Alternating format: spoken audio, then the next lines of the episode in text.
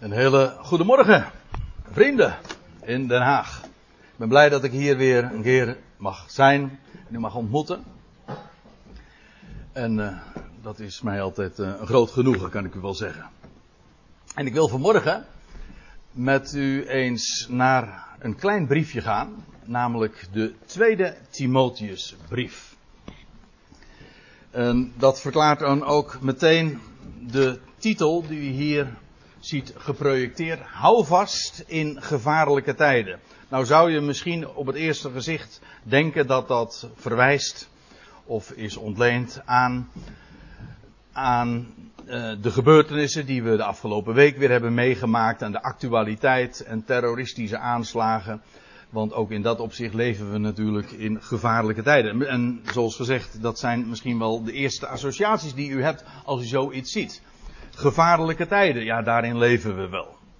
Maar ik zal u vertellen, als we vanmorgen zo eens door dat kleine briefje gaan bladeren, dan komen we op iets anders uit. Namelijk een heel ander gevaar. En waarom Paulus over gevaarlijke tijden spreekt. Maar de ondertoon is een hele positieve. Namelijk het gaat om te midden van die gevaarlijke tijden. En waarom gevaarlijk, daarover hebben we het straks. Maar om te midden van die gevaarlijke tijden een houvast te hebben. Gewoon een rots waar je op kunt staan. En dat er dingen zijn bij alles wat wegvalt en vervalt. Iets wat werkelijk staat en blijft en ook blijft staan. En dat is geweldig. Ik wil u vanmorgen het zo presenteren bij in, in een vijftal punten. Dat wil zeggen, we gaan naar een vijftal passages toe in deze brief. Valt niet mee om dat zo even grof samen te vatten. Nou ja, ik kan, ik kan natuurlijk wel vertellen dat de tweede Timotheusbrief, laat ik dat dan meteen maar eventjes doen. Dat de tweede Timotheusbrief, dat wordt wel terecht, lijkt mij, Paulus' geestelijke testament genoemd. Het is de laatste brief die hij heeft geschreven. En het is een persoonlijke brief. Het is een, geen brief die hij richt aan een, een, gemeente, een ecclesia of een groep van gemeenten, zoals hij dat elders doet. Nee, aan één persoon. En dat heeft ook in dit opzicht, in het verband met het thema, is dat ook heel veelzeggend. Afijn, Paulus richt zich tot uh, Timotheus. En en ik wil wat vertellen over de aanhef. Daarin zullen we dus zien, inderdaad, die adressering, aan wie hij dat dan richt. Maar ook over de omstandigheden waarin Paulus zichzelf bevond, namelijk zijn nabije executie. En dan vervolgens wil ik u meenemen naar een vers waarin gesproken wordt over de omstandigheden van de christenheid, laat ik het dan maar zo noemen, gewoon die verzameling van christenen, zij die zich noemen naar Christus. En het verval wat daar al zich heel duidelijk aftekent. En dan vervolgens naar het derde hoofdstuk, neem ik u dan mee, waar gesproken wordt over de laatste dagen. En waarom die laatste dagen zo gevaarlijk zullen zijn. En tenslotte wat in die dagen een houvast is. Het houvast is, namelijk de Heilige Schriften. En daarmee heb ik in feite dus al verklapt waar het dus uiteindelijk allemaal om gaat. Maar dat zijn zo de vijf punten die ik u wil laten zien. En ik wil daarbij niks verzinnen. Ik wil deze vijf punten bespreken aan de hand van een vijftal versen of een aantal vijftal passages in dit briefje. Nou, we beginnen gewoon maar, en dat lijkt me in dit geval wel het meest handig, bij het begin, namelijk hoofdstuk 1, vers 1. En daar stelt Paulus zich, zoals hij dat altijd doet in zijn brieven, en dat is de meest gebruikelijke manier ook om een brief te beginnen, en dat is het eerste wat je wil weten, door wie is het eigenlijk geschreven? Dan stelt hij zich voor, hij noemt zijn naam, de naam die ook speciaal verband houdt met zijn bediening onder de natieën.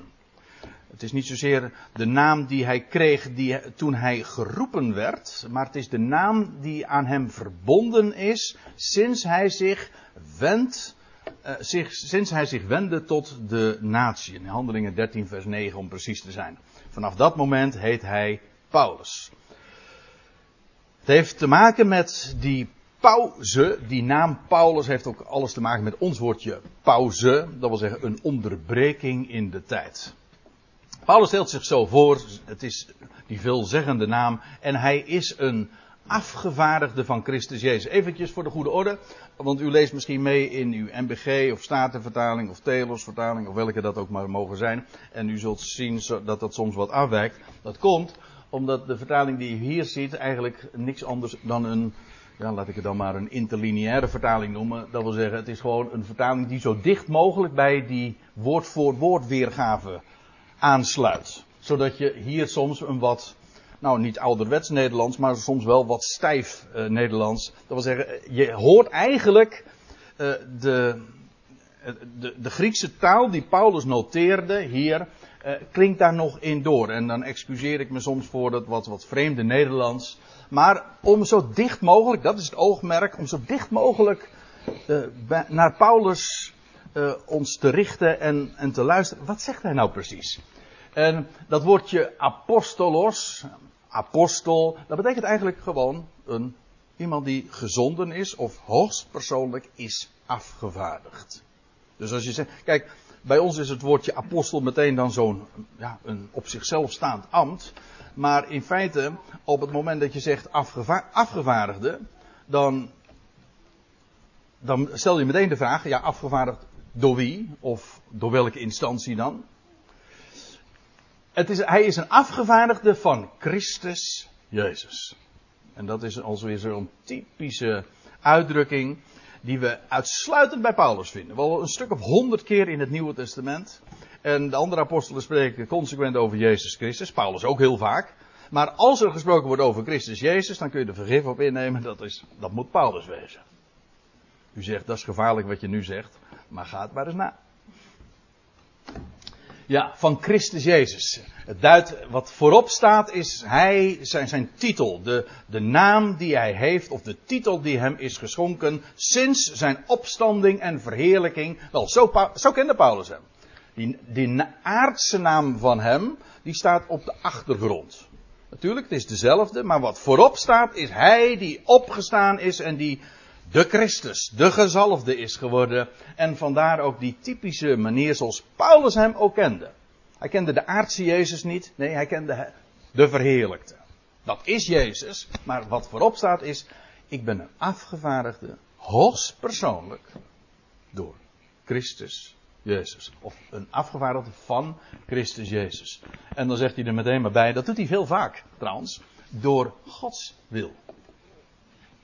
Ja, daarin klinkt door, het is niet mijn keuze. Het is zijn wil.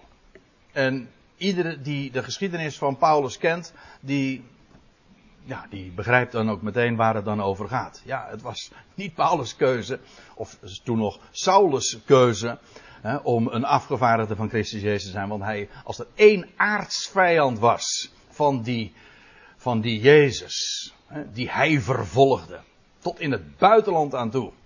En toen werd hij geroepen. Vanuit de hemel. Wie bent u, Heer? Ik ben Jezus, die jij vervolgt. Het is, hij, hij, maar hij was van de moederschotel afgezonderd, lees je.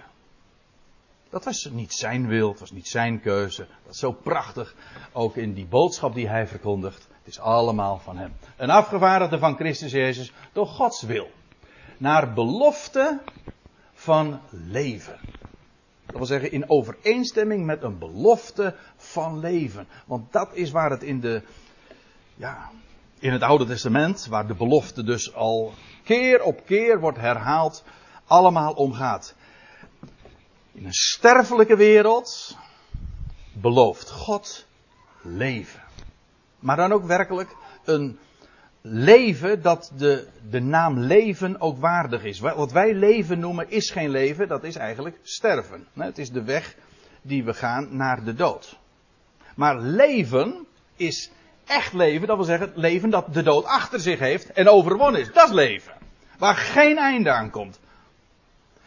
En dat is wat God beloofd had. En inmiddels is dat gerealiseerd. Er is, nog maar, er is één mens vandaag die werkelijk leeft. Namelijk Christus Jezus. Hij is de eerstgeborene uit de doden.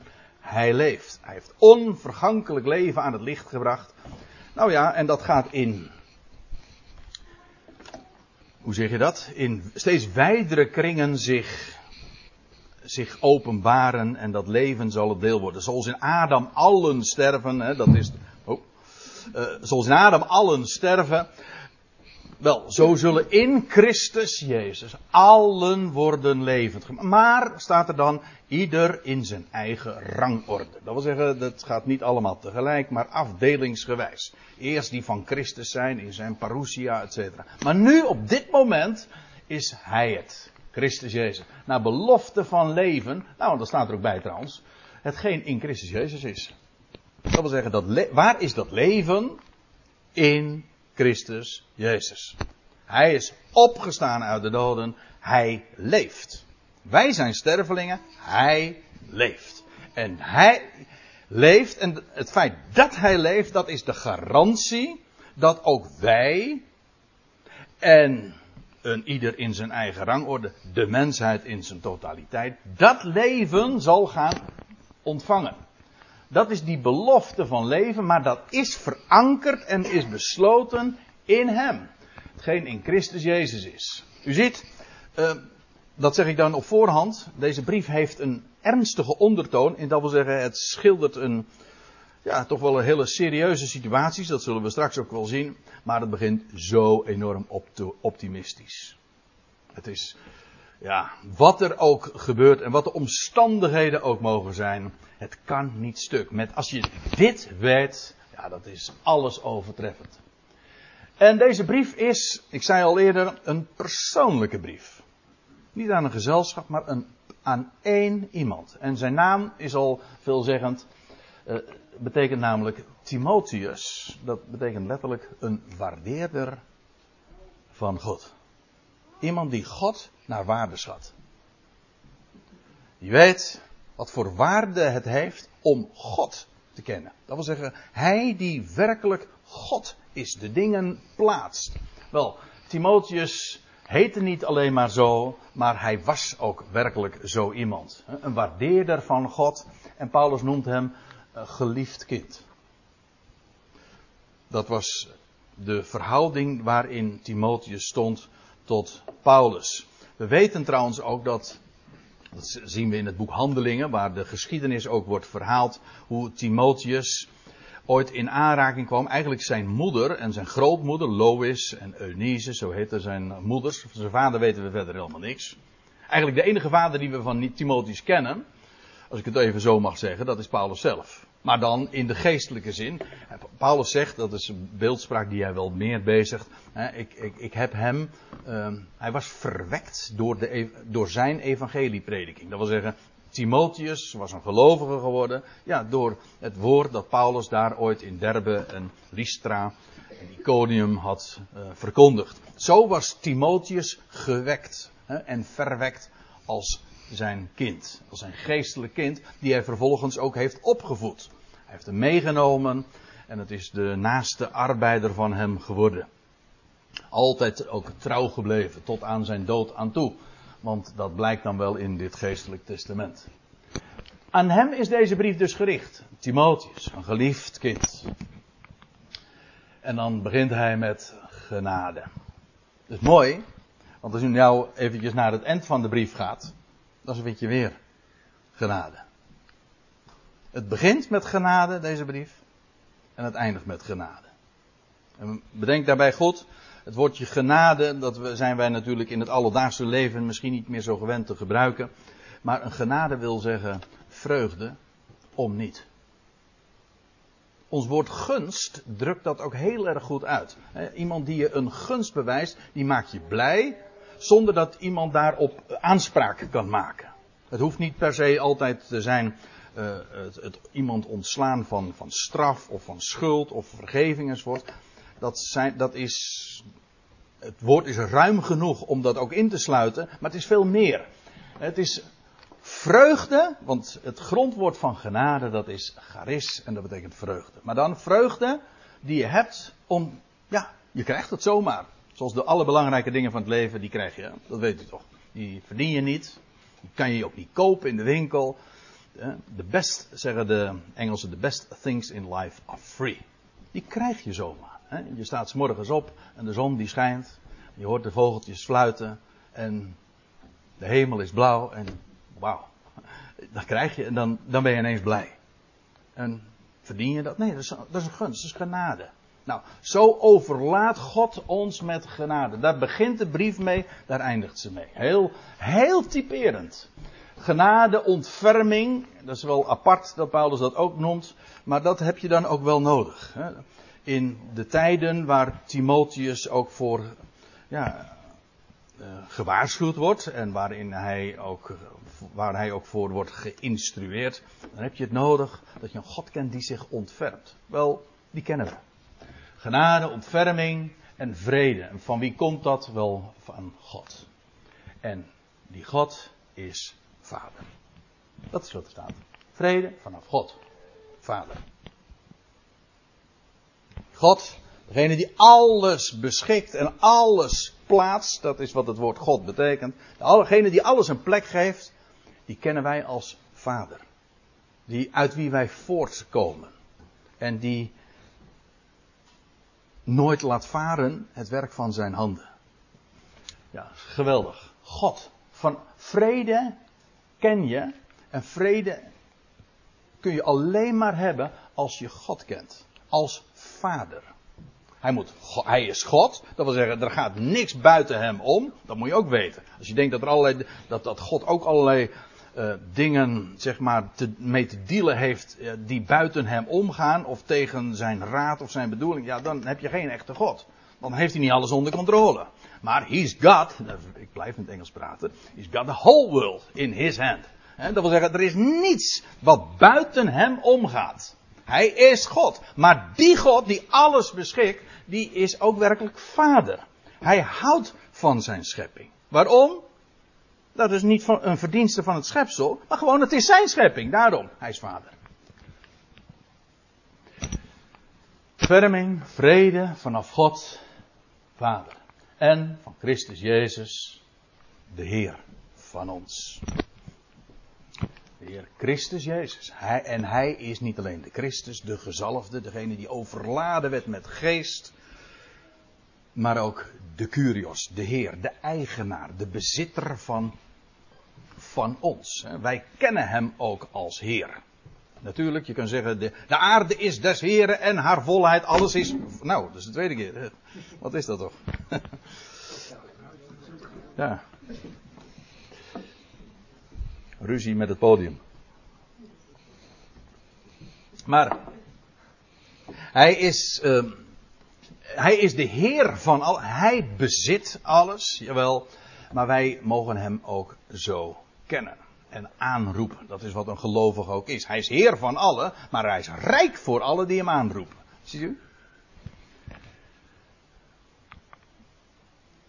Oké, daarmee hebben we dus gezien wat, wie de schrijver is, aan wie hij zich richt.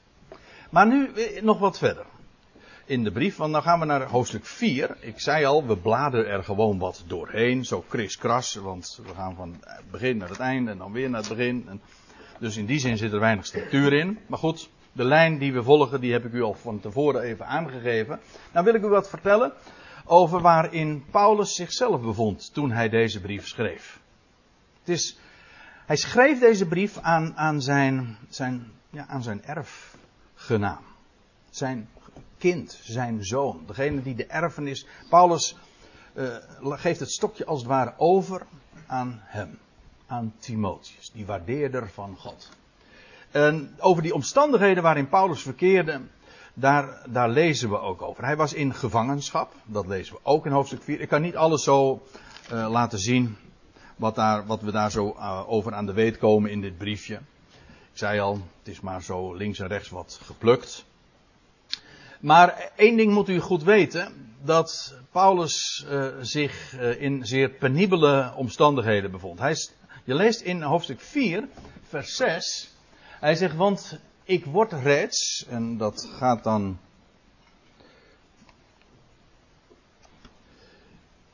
In het verband dat Paulus dan zegt, maar jij blijft nuchter onder alles, aanvaard het lijden. En dan zegt hij, wat, wat, wat mij aangaat, en dan, en dan begint dus vers 6, want wat mij aangaat, reeds word ik als plengoffer geofferd. Een plenkoffer of een drankoffer, zo wordt het ook wel genoemd, dat is een bekend fenomeen. Tenminste bekend, ja, bekend in, het, uh, in de Tenach, in de Hebreeuwse Bijbel. Dat wil zeggen, bij veel offers, bij veel brandoffers, werden ook drankoffers gebracht. Dat wil zeggen, er werd er drank, uh, wijn, werd er uitgegoten. Wat de symboliek daarvan is, dat is nu even niet aan de orde. Maar in dit verband moet het toch duidelijk zijn dat Paulus' leven wordt uitgegoten. Men, wat men dan deed was, en sommige mensen zeggen van dat is zonde, maar dat is juist wat het offer is. Er werd de drank als uitbeelding ook van wijn, een uitbeelding van leven naar uit de dood, op het leven. Dat, het, dat, is ook dat spul dat uit de kelder komt, uit een graf komt en dan, uh, het gaat er als uh, druivensap gaat, er, gaat het in de kelder, in het graf, en het komt er als geestrijk vocht, komt het eruit. Dus een, een geweldig symboliek die daarin meekomt, want het spreekt namelijk van leven uit de dood. Afijn, uh, Paulus zegt, mijn leven die wordt, dat wordt als het ware uitgegoten. Maar het is voor God. Het feit dat hij geëxecuteerd werd, het feit dat hij gevangen was, was omdat hij een apostel was. En nou ja, voor de natie. En dat hele verhaal, dat, ja, we hebben dat allemaal. We weten dat niet alleen uit de brieven. Er is ook een historisch boek dat daarover gaat. En dat is het verslag van Lucas in het boek Handelingen. En hij is. Uh, zijn leven wordt uitgegoten, aan God gewijd. Hij zegt: Ik word reeds als plengoffer geofferd. Dat wil zeggen, dat is nu al aan de gang. Dus uh, ja, eigenlijk is Paulus dus in die zin, ik weet niet of ik het woord nu helemaal goed gebruik, maar uh, terminaal. Uh, want zegt hij, het tijdstip van de opbreking van mij, het tijdstip van mijn verscheiden, is aanstaande. Dat wil zeggen, ik ben hier niet lang meer. Dat, het, staat, het staat voor de deur, zegt de MBG-vertaling. Dat moet ik er dan ook nog eventjes bij zeggen. Die onderste regel die u hier ziet in dat lichtgrijs, dat is de wijze waarop de MBG-vertaling dat dan weergeeft. En die, die tweede regel, dat is dan de meest letterlijke weergave. Het tijdstip van de opbreking van mij, daar wordt in het, uh, dat, een woord hier wordt hier gebruikt. Dat wordt ook gebezigd, elders in het Nieuwe Testament, voor het, een leger dat opbreekt. Hè. Zoals wij ook zeggen van, nou wij breken op, hè. Je, je, je, breekt je, je breekt je tent af en je gaat, uh, ja dat wordt, uh, dat werkwoord wordt dan uh, ook in dat verband gebruikt. Hè? Een leger dat opbreekt. En dat wil zeggen, het vertrekt, het gaat van de ene plaats naar de andere. Het, het is trouwens nog leuker. Want ik zal u daar, daar, Voor het eerst deed ik die ontdekking gisteren. En, want dat woord, wat hier gebruikt wordt in het Grieks, dat is analuo. En dat, heeft, dat betekent heel letterlijk, als je het in zijn elementen opbreekt, dat betekent letterlijk naar, naar boven loslating. En ik, ik heb me wel eens afgevraagd, van, hoezo naar, naar boven loslating? Uh, nou, het, van origine werd het woord gebruikt voor het ophalen van een anker. En wanneer doet een schip dat? Nou, wanneer het van A naar B gaat. Kortom, wanneer het vertrekt. Maar wat doet het? Ja, het, het, het anker, dat wordt naar boven gehaald. Waarmee je dus de bodem, waar het aan vast zat, loslaat. Dus het is met recht een naar boven loslating. Dat is heel mooi als je zulke begrippen uh, in zijn elementen beziet. Want dat onderstreept dan precies de betekenis. Maar goed, meer idiomatisch is de, uh, de betekenis dus mijn verscheiden, mijn vertrek, mijn opbreking. Of welk woord je daar ook voor, voor wil gebruiken. En Paulus zegt, duurt niet lang meer. Dat staat voor de deur. Het is aanstaande. En juist dat geeft deze brief, die omstandigheden, alleen al Paulus' persoonlijke omstandigheden, geven deze, deze brief zo'n geweldig kleur. Want het is zo persoonlijk. Paulus beschrijft dus van ja. Nog even. En ik zal worden. ja, geofferd, ge, ge, geplankt.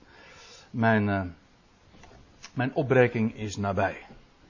En hij, zoals het lot van eigenlijk alle apostelen geweest is, ze zijn ter dood gebracht. Maar Paulus was niet treurig. En dat vind ik juist, dat is misschien nog wat het allermooiste. In die omstandigheden, Paulus is allerminst depri. Integendeel. Hij is blij.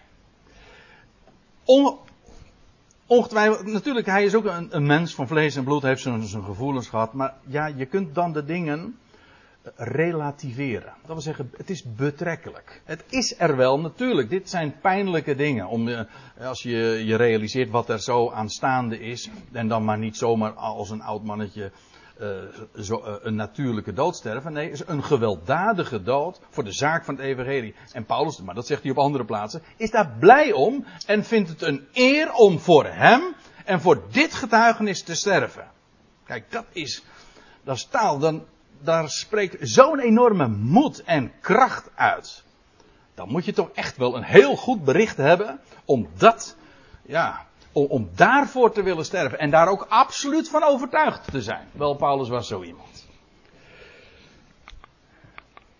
Hij zegt, de ideale strijd, de goede strijd, maar ideaal betekent in dit geval ook goed in de zin van eh, kwalitatief goed die goede strijd heb ik gestreden. Het gaat hier niet zozeer over een strijd in een oorlog, maar een wedstrijd. Dat blijkt uit het verband. Ik heb een goede strijd gestreden.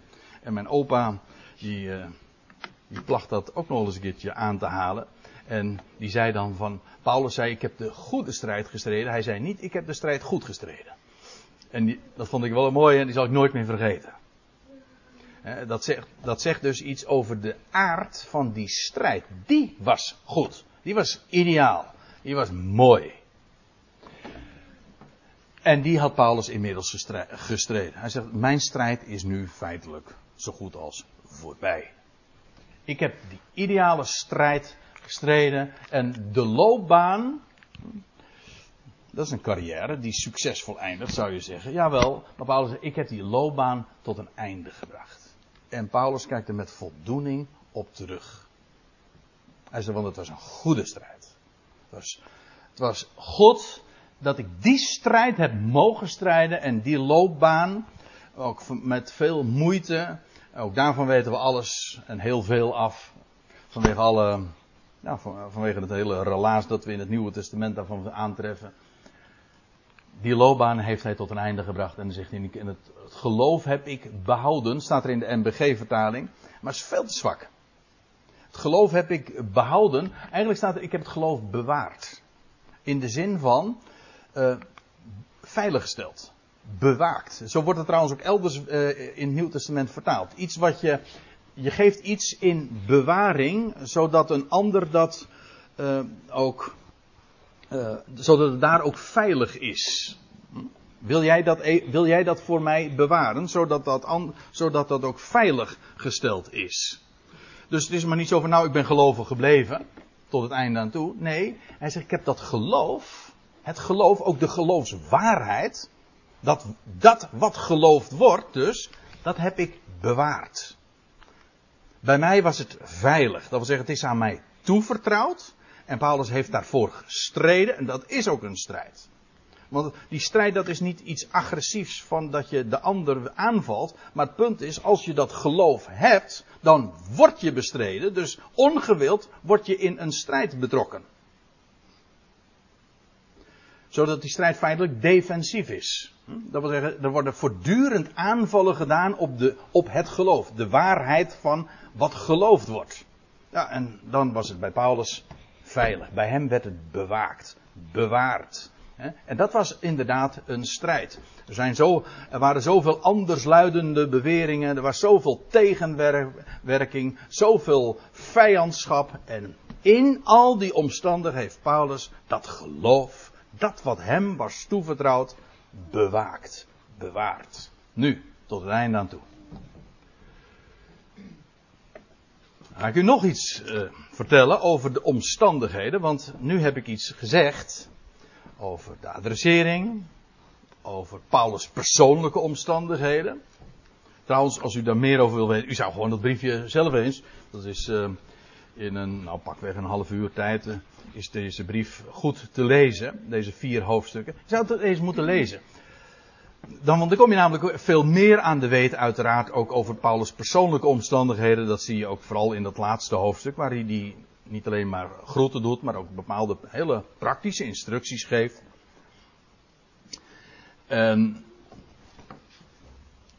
Nu wil ik u nog wat vertellen, over, ook over de omstandigheden daar in Azië. Uh, daar zou Timotheus ook nog naartoe gaan, lees je. Nou ja, over dat soort uh, details wil ik uh, maar niet te, te, veel vertellen, want dat zou ons alleen maar afleiden. Maar in ieder geval, je leest dat Paulus, dat weten we sowieso uit de brieven, maar ook uit het boek Handelingen, dat Paulus buitengewoon actief is geweest in Azië. En dan moet u bij Azië natuurlijk niet denken aan dat grote werelddeel. Tegenwoordig is het een heel groot werelddeel. Een honderd jaar geleden was, sprak men over Klein-Azië. En dat was dan Turkije. Maar in werkelijkheid was Azië, of in werkelijkheid, maar in ieder geval van origine is Azië gewoon een landstreek in het huidige en zo turbulente Turkije. In het, wat zeg ik, uh, het westen van Turkije, waarin gemeenten waren in Efeze, Smyrna. Smyrna, weet, dat is tegenwoordig Izmir. Vliegveld van Izmir, las ik gisteren, was uh, helemaal afgesloten vanwege de koep die daar was gepleegd. Of die er gepleegd zou zijn. Hè, daar hadden we het net ook nog over. Maar goed, daar, daar gaan we het maar niet over hebben. Maar in ieder geval, de, die, over die streek hebben we. Dat is, dat is Azië in de Bijbel. Dus dat is niet een land, dat is een landstreek in het huidige Turkije. En dan lees je dit. Ik lees alleen even het vijftiende vers. Dit heb je waargenomen. Dit weet je, zegt eh, de MBG-vertaling. Dit weet je, Timotheus. Waarom? Omdat hij dat gewoon uit eigen bevinding, uit eigen waarneming had kunnen vaststellen. Dit heb je waargenomen dat van mij werden afgekeerd allen die in Azië zijn. Overigens, nog op één uh, leuk, nou ja, leuk is het niet het, goede woord, maar op één apart detail wil ik dan toch even wijzen. Er staat in de, in de meeste vertalingen, in de actieve zin, dat allen zich van mij hebben afgekeerd. Maar er staat niet hebben afgekeerd, er staat in de passieve vorm werden afgekeerd. En dit heb je waargenomen dat van mij werden afgekeerd allen die in Azië zijn. Moet u even zich voorstellen. Paulus, die zeer actief is geweest in Azië. En daar met zoveel vrucht ook gearbeid heeft. Hele hoofdstukken worden daar in de, in de geschiedschrijving van Lucas ook aan gewijd. In Efeze, maar in veel meer plaatsen is hij zo actief geweest. En velen waren ook gewekt door geloof. Had hij verwekt. Was hij, was de vader in die zin dus ook van velen. En het, het geloof heeft daar ook een, eh, of laat ik het anders zeggen, het woord heeft daar met enorm veel kracht eh, gewerkt. En dan, aan het einde van, van Paulus' leven lees je dit. Wat een enorm contrast. Het is trouwens ook opmerkelijk dat je leest in Handelingen 19. Ik weet daar, het staat me erg bij omdat ik daar in, in Katwijk momenteel bijbelstudies over aan het doen ben. Uh, dat gaat ook over Handelingen 19. Dan lees je dat Paulus uh, ook een reden houdt, dat is Handelingen 20 trouwens, dat Paulus een reden houdt en dat hij afscheid neemt van de oudste in Efeze en op het strand daar van, van Mileten. En dan houdt hij een afscheidstoespraak en dan zegt hij, dan kondigt hij al aan, hij zegt, uit uw eigen midden zullen mannen opstaan die dingen, verkeerde dingen zullen leren en die de kudde zullen wegtrekken. Dus hij, Paulus heeft het voorzien. Paulus wist dat het ook zo zou gaan. En nou aan het einde van zijn leven zegt hij, stelt hij dit gewoon vast. Dit heb je waargenomen, dat van mij werden afgekeerd allen die in Azië zijn. Allen, dat woord allen, dat is helemaal veelzeggend. Niet uh, sommigen, niet, zelfs niet velen, maar allen. Oh. Moet je dat letterlijk nemen? Nou ja, laten we het gewoon nemen zoals het uh, zich aandient. Allen zich hebben af, nee, niet hebben afgekeerd, ze werden afgekeerd. Dus er waren kennelijk krachten, personen, actief, die ervoor zorgden dat in Azië ze zich afkeerden van Paulus. Zodat ze afgekeerd werden. En dat dat inderdaad de gedachte is, dat blijkt wel. Uh, want uh, daar staat er vervolgens uh, van wie Vigelus en Hermogenes zijn. of van wie Vigelus is en Hermo Hermogenes. Hermogenes, of hoe je het ook maar zeggen wil. Met andere woorden, dat zijn kennelijk de, de figuren geweest die een actieve rol hebben gespeeld in dat hele afkeerproces, waardoor zij die in Azië zijn, allen in Azië, werden afgekeerd. Maar nog even dit. Ik heb dat woord even onderstreept, afgekeerd. Dat, we, dat woord komen we in deze brief nog een keer tegen. Hier is het, allen in Azië hebben zich afgekeerd. Of werden afgekeerd. Maar als je nou naar hoofdstuk 4 gaat, dan zegt Paulus over de christenheid in het algemeen. Niet alleen meer over Azië, hij zegt komt een tijd dat men gewoon in het algemeen de gezonde leer niet meer zal verdragen. Dat wil zeggen, het gaat dan echt over beleidende christenen. Men zal de gezonde leer niet meer verdragen. Dat wil zeggen, men verdroeg het ooit wel. Dat bewijst dus dat het over gelovigen gaat, of in ieder geval over beleidende christenen. Maar er komt een tijd dat men die gezonde leer niet meer zal verdragen. En dan staat er, en het oor, en zij zullen het oor afkeren. Hetzelfde woord wat er hier ook in hoofdstuk 1, vers 15 gebruikt wordt. Eh, ze zullen het oor afkeren van de waarheid. En zich wenden tot mythen, verdichtsels. Gewoon man-made, uh, gewoon echt menselijke constructies, dogma's, leerstellingen. En dat is al in een heel vroeg stadium van de, van de kerkgeschiedenis gebeurd. En Paulus bereidt Timotheus erop voor. Dat nieuws dat Paulus te melden heeft is zo geweldig, zo overtreffend, maar het is zo groot. Hij zegt, ze zullen het. Er komt een tijd, en dat is al heel vroeg in de kerkgeschiedenis gebeurd. Men zal, men in het algemeen, zal het niet verdragen. Paulus had wat dat betreft, als u Paulus een pessimist noemt, dan zeg ik, in één opzicht klopt dat. En dat is als het gaat over de ontwikkelingen in de christenheid. Daar was die, die waren niet rooskleurig.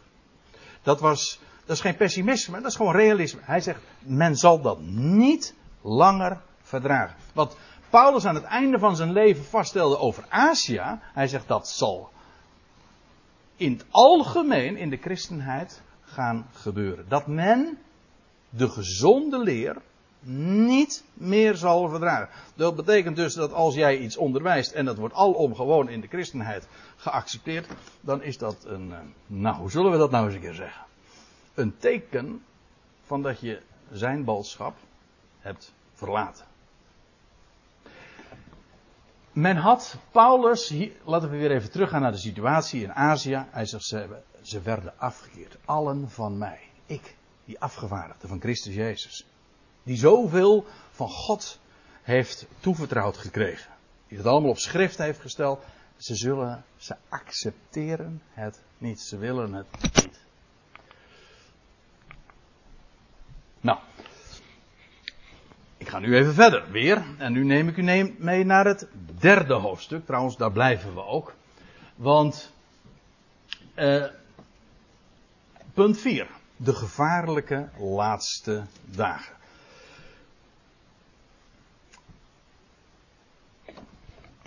In vers 1 van hoofdstuk 3, dan lees je dit. Dat Paulus dit zegt. Weet dit echter. Maar weet dit. Dat in laatste dagen, dat is een bekende term trouwens, die we heel vaak in, het, in de Bijbel tegenkomen in de Hebreeuwse Bijbel al laatste dagen. Dat wil zeggen die dagen die vlak voorafgaan aan de terugkeer, aan de verschijning van Christus. Dat in laatste dagen. Overigens, er wordt in, als je de eerste Timotheusbrief leest, dit is de tweede Timotheusbrief dus, de eerste Timotheusbrief leest, dan lees je in hoofdstuk 4 vers 1 dat Paulus zegt, dan zegt hij, de geest zegt nadrukkelijk dat in latere perioden. En dan zegt hij al dat men afstand zal nemen van het geloof. En men zal aandacht geven, men zal volgen leringen van demonen. Ik zei al, Paulus' visie en uh, visie op de, de kerkgeschiedenis en wat nog, wat er na zijn dagen zou gebeuren, was niet al te rooskleurig. Vandaar ook, hij richt zich ook niet tot, tot gemeenten, tot het geheel, maar tot die enkeling. Die nog wel oor heeft voor wat hij te melden heeft. Die zich niet van hem afkeert. Die nog wel juist wil luisteren, niet naar wat men allemaal uh, daarvan zegt. Nee, want Paulus was niet eens, moet je nagaan, ze hebben zich van hem afgekeerd. Dat betekent dus dat hij gewoon niet eh, welkom meer was in de gemeenten waar hij zelf ooit notenbenen uh, aan de wieg heeft gestaan. Dat is wat.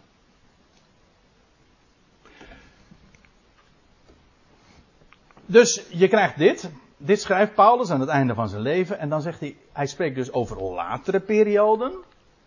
Dat men, dat sommigen, maar gaat het vooral over leraren, die de, die de afstand zullen nemen van het geloof, leringen van demonen zullen volgen.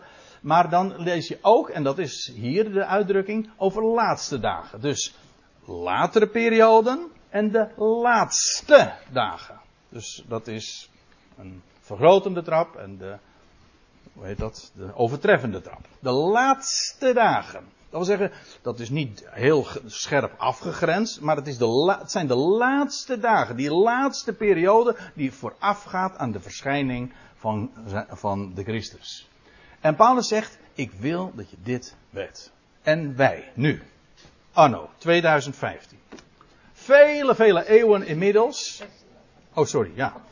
Goh, ik heb niet alleen problemen met het podium, maar ook met uh, bij de tijd blijven. Maar goed, uh, in nu, 2016. We zijn bijna 2000 jaar verder. Nou, één ding lijkt me dat we toch wel kunnen vaststellen. Wij leven inderdaad vandaag onmiskenbaar. Het is nu niet het onderwerp om dat duidelijk te maken. Maar we leven, wat mij betreft, onmiskenbaar in die laatste dagen. Dat wil zeggen, die laatste fase voor zijn terugkeer. We weten trouwens sowieso uit de Bijbel dat die periode tussen de eerste en de tweede komst van Christus gemarkeerd wordt door, de Bijbel zegt dan, twee dagen. Maar dat wil zeggen, zegt Petrus, twee keer duizend jaar. Zo rekent hij. En of dat nou precies of ongeveer 2000 jaar is, dat laat ik hier in het midden. Maar in ieder geval, wij leven nu inmiddels dus in 2016. En die 2000 jaren die uh, de Bijbel heeft voorzegd, wel, die lopen bijna op zijn eind. Dus het lijkt mij toch een. Uh, je hoeft geen Einstein te zijn om, te, om vast te stellen dat wij inderdaad vandaag in die laatste dagen zijn. Paulus zegt, deze woorden dus, tussen twee haakjes, deze woorden zijn vandaag dus actueler dan ooit. En Paulus zei al tegen Timotheus, weet echter dit, dat in laatste dagen gevaarlijke perioden zullen zijn. Er staat in de NBG-vertaling zware tijden. Maar het woord komt nog één keer meer voor in het Nieuwe Testament en dan wordt het wel weer vertaald met gevaarlijk. Dan gaat het over die man die bezeten is en die was inderdaad gevaarlijk. Nou, en dat uh, is precies het woord wat ik ook gebruikte in die titelpagina, die titeldia, waar uh, het ging over die gevaarlijke tijden. Waarom is het gevaarlijk? Paulus zegt, er, de laatste dagen zijn, dat zijn, daarin zullen gevaarlijke perioden zijn. En hoezo gevaarlijk? En dan heeft hij het niet over terroristische aanslagen die zomaar kunnen opdoemen. Of over oorlogen die uitbreken. Of in het hele wereld gebeuren waarin zoveel aan de hand is. Dat mag dan waar zijn. Dat is niet het onderwerp waar hij het hier over heeft. Trouwens, als het gaat over het wereldgebeuren en ons aardse bestaan. Daarvan hebben we sowieso de verzekering dat de Heer zegt. Ik zorg voor je. Ik ben bij je. Er gaat niks mis. Nou. Dus daar hoef je helemaal geen zorgen over te maken. Trouwens, over dit ook niet. Dit ook niet. Want uh, die gevaarlijke tijden. Maar je moet het wel weten. het is van belang om te weten dat die laatste dagen gevaarlijke perioden zullen zijn. Want, en wat hij dan uitlegt is want. Dus, dus de reden. De mensen zullen zijn. En dan gaat hij een hele beschrijving geven. Een hele lange lijst. En die tijden zijn gevaarlijk vanwege de morele kwaliteiten, voor zover je het woord kwaliteiten kan gebruiken, of vanwege de morele kenmerken van de mensen. Maar ik, nou zeg ik het veel te algemeen, vanwege de morele kenmerken van de christenheid. Meer speciaal. U zou voor de aardigheid deze lijst die hier nu gaat volgen, eens moeten leggen naast een lijst die we ook aantreffen in Romeinen 1, waarin Paulus de wereld tekent die God niet kent. En die lijkt als twee druppels water, die lijst in Romeinen 1, op die in 2 Timotheus 3. Met dat grote verschil, daar gaat het over de wereld die God niet kent. En hier gaat het over een wereld die in ieder geval de schijn heeft God wel te kennen en zich daar ook op laat voorstaan. Een schijn van godsvrucht. Ik zal het u straks ook laten zien. En waarom gevaarlijk? Wel, het is gevaarlijk omdat je daarin zomaar in wordt meegenomen. Kijk, dat is, het is, dat is die stroom van de tijd. iedereen beleeft dingen. Hè? En iedereen heeft zo zijn opinies en die komen vandaag in alle kracht op je af. Ik denk dat er trouwens nauwelijks een tijd is geweest waarin je zozeer ook verbonden bent met die hele stroom van meningen en opinies en smaken van de wereld als juist tegenwoordig. Vroeger kon je nog een, op een hutje, in een hutje op de hei zitten en kon je je afsluiten van het wereldgebeuren. Vandaag nauwelijks nog. Van al die, al die media die op je afkomen, dat is nog veel meer dan decennia geleden. Had je kranten en tijdschriften, was dat ook al sterker. Maar nu helemaal. Met, met internet en de, met de, de social media. Je wordt zo enorm meegenomen in de stroom van de tijd. En als iedereen iets zegt, ja, dan zal het wel zo zijn. En dan is dat normaal. Daarin word je zo gemakkelijk meegenomen. En dat maakt die tijden zo gevaarlijk. Kijk, en dan zeg ik, ik, hou altijd van dat beeld. Een, het kenmerk van een levende vis is dat die tegen de stroom inzwemt. Een dode vis die gaat gewoon vanzelf met die stroom mee. Als, als er geen leven in zit, ja, die stroom die gaat toch wel. Je gaat daar namelijk als vanzelf in mee. Daar hoef je helemaal niks voor te doen. Je leeft in die, in die maalstroom van de tijd, van, van deze boze aion, vlak voordat we hier naartoe gingen, toen hadden we het daar nog over. Over die maalstroom van denken en houdingen en, en opinies van de, van de tijd. Wel, daarin word je als vanzelf meegenomen. Behalve als je echt leven hebt. Als je een levende vis bent, dan zwem je ook weer als vanzelf tegen die stroom in. Want daar kan je niet in meegaan. Daar stroom je tegen in. Uh, daar zwem je tegen in, sorry. Want, nou, laten we eens eventjes dat lijstje volgen. Ik, doe het heel kort. Want ik moet bij 5.5 aankomen. En weliswaar gaf Peter mij een carte blanche voor eh, de spreektijd. Maar ik wil dat niet uh, misbruiken. Hè. Maar toch. Hij zegt, de mensen zullen zijn veel van zichzelf houden. Dat is het eerste wat hij zegt. Ik vond dat zo frappant. Gisteravond toen uh, ik met uh, mevrouw nog eventjes een glaasje dronk, toen hadden we het daar nog over. Dat is, dat is zo eigenaardig dat, dat dat als eerste genoemd wordt. Veel van zichzelf houdend. Veel autos. Veel autos. Hè. Veel betekent uh, houden van en autos. Dat wil zeggen van, nou, het heeft niks te maken met auto's, maar, maar met jezelf. Ze houden van zichzelf.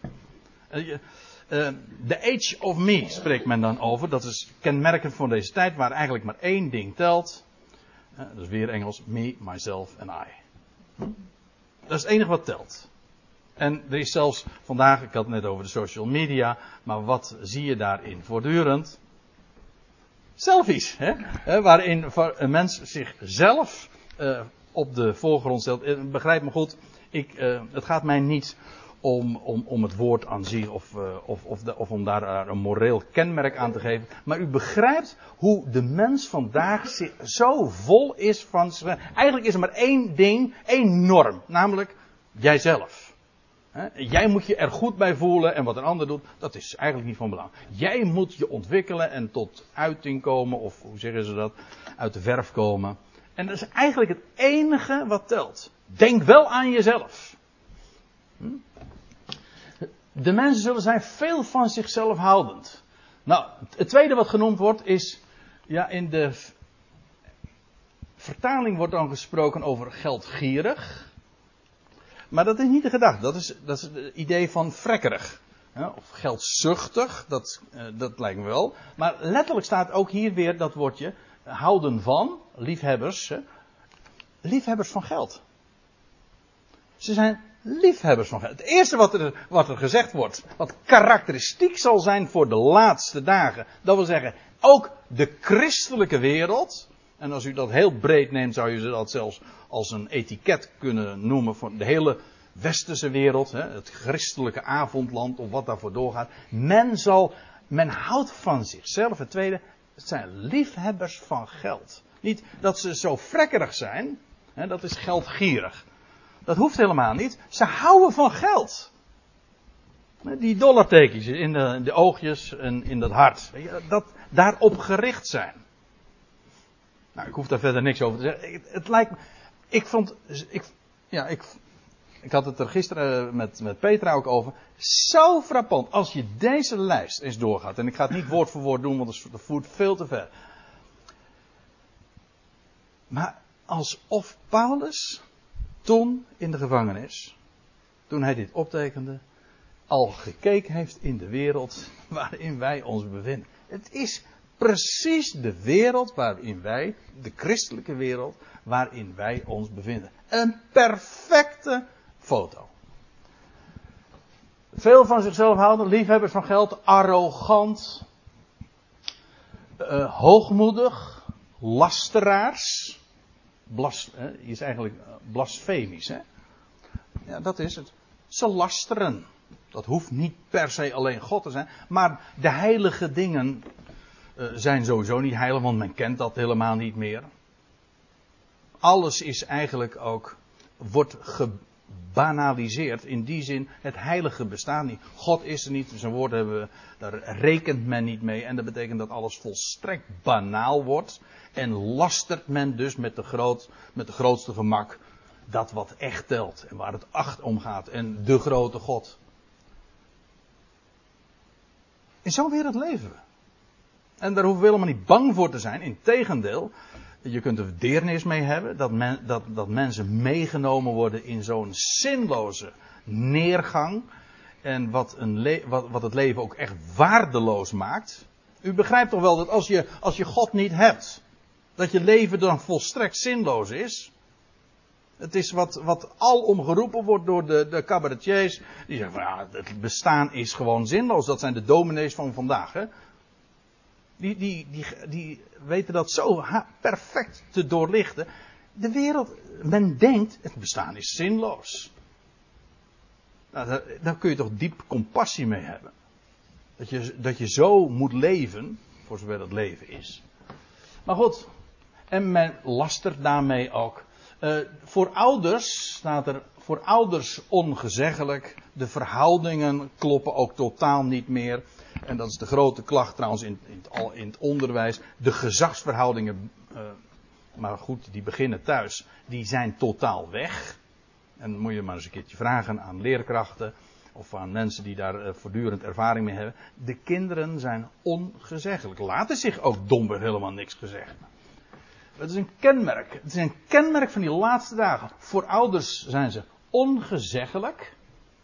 Uh, ondankbaar. Ja.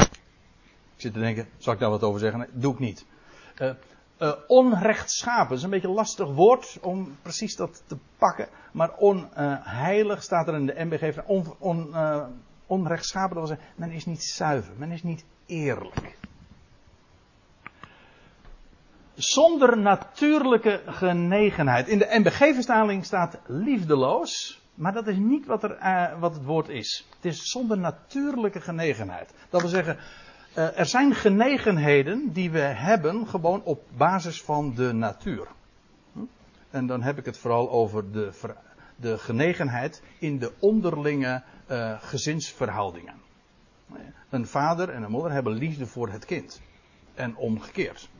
Dat zijn natuurlijke verhoudingen. Als er iets vandaag ontwricht wordt, dan zijn dat de gezinsverhoudingen. En ouders eh, die eh, scheiden met het grootste gemak van, eh, van elkaar, waardoor ze de kinderen ook vervolgens feitelijk, ja, die mogen dan, ja, die mogen het uitzoeken. En ik weet dat het pijnlijk is om zulke dingen misschien te noemen, maar u begrijpt toch wat, wat hier staat. Zonder natuurlijke genegenheid, dat wil zeggen dat er de, de verhoudingen die er zijn in het gezin, de natuurlijke liefde, dat komt allemaal op het spel te staan.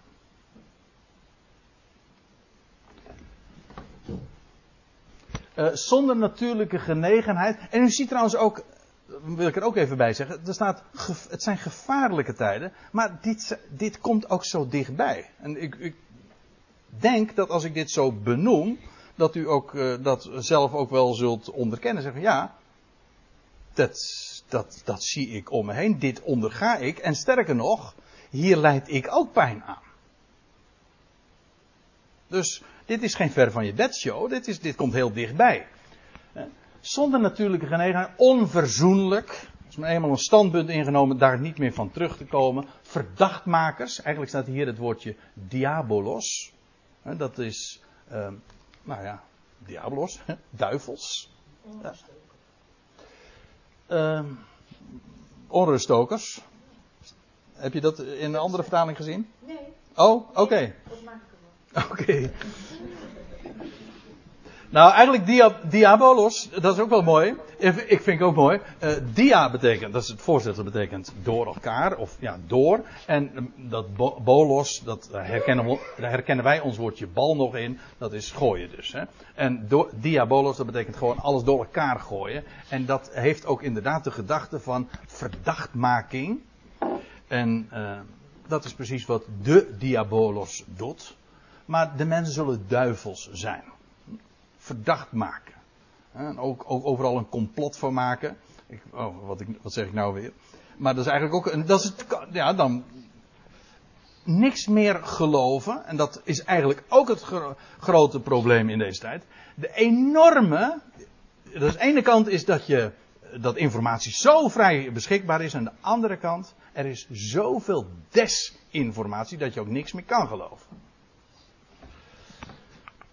onbeheerst, onhandelbaar, afkerig van het goede, verraders, overhaast, beneveld zijnde, niet meer God bij zinnen, niet helder meer kunnen denken, uh, van genot houdend, veel eer dan van God houdend. In het Nederlands zeg je van nou dat, dat rijmt nog, in het Grieks niet.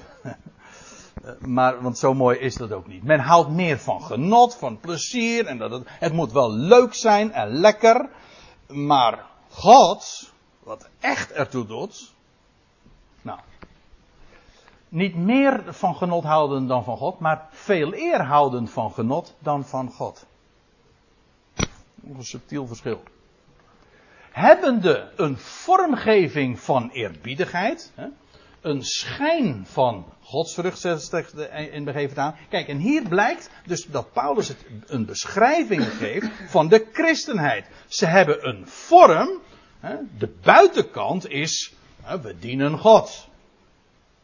Maar dat is slechts de vorm, dat is de naam. In naam is men misschien nog uh, christelijk, of wat daarvoor doorgaat. Een vorm van eerbiedigheid, maar de kracht echter, de dynamin, de, ons woordje dynamiet, dynamiek is daar ook van afgeleid. De dynamiek echter daarvan, hebben ze gelogend. Dat wil zeggen, waar het werkelijk om gaat, in die eerbied voor God, die logent men, ontkent men keihard, die heeft men gelogend. Nou, dat is ik zou nog door kunnen gaan in dat, dat uh, derde hoofdstuk, zo in die beschrijving. Maar dit tekent dus in morele zin waar de christenheid op uit zou lopen. In, in, Paulus zegt in Azië, ze hebben zich van mij afgekeerd. In latere tijden zou men dat in het algemeen doen van, van het woord. En in moreel opzicht zou het complete failliet van de christelijke wereld zich, zich aandienen. En dat is hier de beschrijving. Compleet van God los. In schijn misschien nog niet. In nee, in schijn niet. Maar in werkelijkheid, de kracht, de binnenkant, is gewoon compleet van God los. Dat is de tijd waarin wij leven. En ja, dat u, u zegt van dat vind ik niet leuk. Nee, ik zeg ook niet leuk is. Ik zeg het is gewoon reëel. Dus kijk om je heen. Kijk uit je doppen. Wees reëel. Houd het tegen het licht van de schrift en stel het vast. En het is van belang om gewoon ervan uit te gaan. Deze tijden zijn gevaarlijk, zodat je weet, ga daar niet in mee. Je denkt, we zijn heel tijdgebonden hoor. Je denkt misschien eh, dat je heel onafhankelijk zo je oordeel vormt. Maar je gaat zo gemakkelijk mee in die maalstroom als, als iedereen dat zegt. Kijk, en dan is de vraag, wat is ons houvast? En dan komen we bij het laatste punt. En ik zal het niet te lang maken. Maar eh, ik moet daar wat over zeggen, want het gaat over het houvast in de laatste dagen. Het echte houvast, de Heilige Schriften. Maar jij, nou ik blijf trouwens even in het derde hoofdstuk en dat Paulus dan dit zegt. Maar jij, hij zegt dat een paar keer in deze brief. Dat is, dat, ik had het net over dat, die vis die inzwemt tegen de stroom in. Dat klinkt hier eh, zo prachtig in door. Maar jij, terwijl de hele wereld, die hele christelijke wereld, Timotheus, dan zo gaat, die neerwaartse beweging, met de stroom mee, maar naar de ondergang toe, naar beneden. Maar jij. Dus niet meer, maar jullie. Vandaar ook, dit is, dit is geen wake-up call tegen, voor de gemeente van, van Azië. Nee, jij Timotheus. Jij, jij hebt nog oor? Luister. Maar jij, blijf in de dingen die je leerde. En gelovig maakte. Ik vind dat misschien wat een vreemde weergave, maar zo staat het er echt. Niet wat u toevertrouwd is zozeer, maar wat die jou gelovig maakte. Jij, we weten van Timotheus, Paulus wijst daar ook op. Hij was ooit grootgebracht door zijn grootmoeder en zijn moeder, Lois en Eunice. En hij kende van kindsbeen af de Heilige Schriften. Hij zei: blijf bij die dingen die jij leerde. En die jou ook gelovig maakt. Want dat woord is, dat is, dat overtuigt een mens ook. Die maakt jou, dat leer je, maar die overtuigen je. Dat is, dat is, geen, dat is geen tactiek of uh, hoe je een mens zeg maar in een bepaalde mindset krijgt om gelovig te worden. Dat is allemaal kul, onzin, zo werkt dat niet. Er, het woord en het woord van God alleen heeft de kracht om een mens te onderwijzen en gelovig te maken, vertrouwen te geven. Dat is het enige wat telt. En bij alles wat er dan misgaat, tussen aanhalingstekens, en bij al die neergang, en bij al die desoriëntatie die we vandaag om ons heen zien, mensen weten niet meer waar ze naartoe gaan, waar ze vandaan komen, wie ze zijn. Kortom, men is compleet verdwaald in het denken. Maar jij, waar vind je houvast? Waar vind je leven? Waar vind je kracht? Waar vind je vrede? Waar vind je vreugde? Waar vind je hoop? Kortom, alles wat het, waar het werkelijk om gaat, waar vind je dat? Nou, blijf in die dingen die je leerde en die jou gelovig maakten. Waargenomen hebbende, sorry voor de wat uh, hele wat uh, krukkerige manier van, van zeggen. Maar zo, zo, zegt Paulus, hij zegt waargenomen hebbende bij wie jij leerde. Dat wie is trouwens meervoud. Dat wil zeggen, niet, hij heeft dat geleerd van, nou we weten in ieder geval van zijn moeder en zijn grootmoeder. Maar ook van Paulus. Hij zegt, uh, bewust, hè, waargenomen hebben, maar weet wel van bij wie jij dat allemaal leerde. Dat zijn jouw modellen jouw rolmodellen, waar je je aan spiegelt. Elk mens heeft die. Zeker als kind heb je rolmodel. Mensen van wie je dingen onderwezen krijgt en waar je je aan kunt spiegelen. Waargenomen hebbende bij wie je leerde. En dat je van kindsbeen af, als baby al, hebt waargenomen, de dingen gezien. ja, zo staat het hier, de gewijde documenten. In de vertaling, de heilige schriften. Ze zijn gewijd. Dit, hè, wat u hier ziet, ja, het is in boekvorm, maar eigenlijk is het een bibliotheek. Dat zijn allemaal, dat is een verzameling documenten. Maar dat is niet zomaar wat. Dit is gewijd. Dit is heilig. Dit is van Gods wegen gegeven. En die kende Timotheus al van kindsbeen aan. Dat wil zeggen, Timotheus die was grootgebracht in de synagoge als Jood. Hij kende de Hebreeuwse Bijbel, ons Oude Testament. Hij zegt, en van kindsbeen af ken jij die, die heilige schrift. Dat was toen dus de Hebreeuwse Bijbel, de, het Oude Testament. Die jouw wijsheid vermogen te geven. Tot in redding. Door geloof. Geloof, nou, dat in Christus Jezus is. Kijk, dat is die, die, die, die heilige schriften, die gewijde documenten, die, die maken een mens wijs. Die maken een mens maar niet wat wijs, die maken een mens wijs. En die hebben het vermogen te redden. In alle opzichten trouwens, door geloof, dat is in Christus Jezus. En dan zegt Paulus erbij, en elk geschrift. Door God geïnspireerd is ook nuttig. Naar onderwijzing toe. Hij zegt elk geschrift, hoezo? Hij had het over die heilige schriften waar Timotheus mee groot geworden was. Het Oude Testament. Maar inmiddels, in die eeuw, waren er vele geschriften bijgekomen.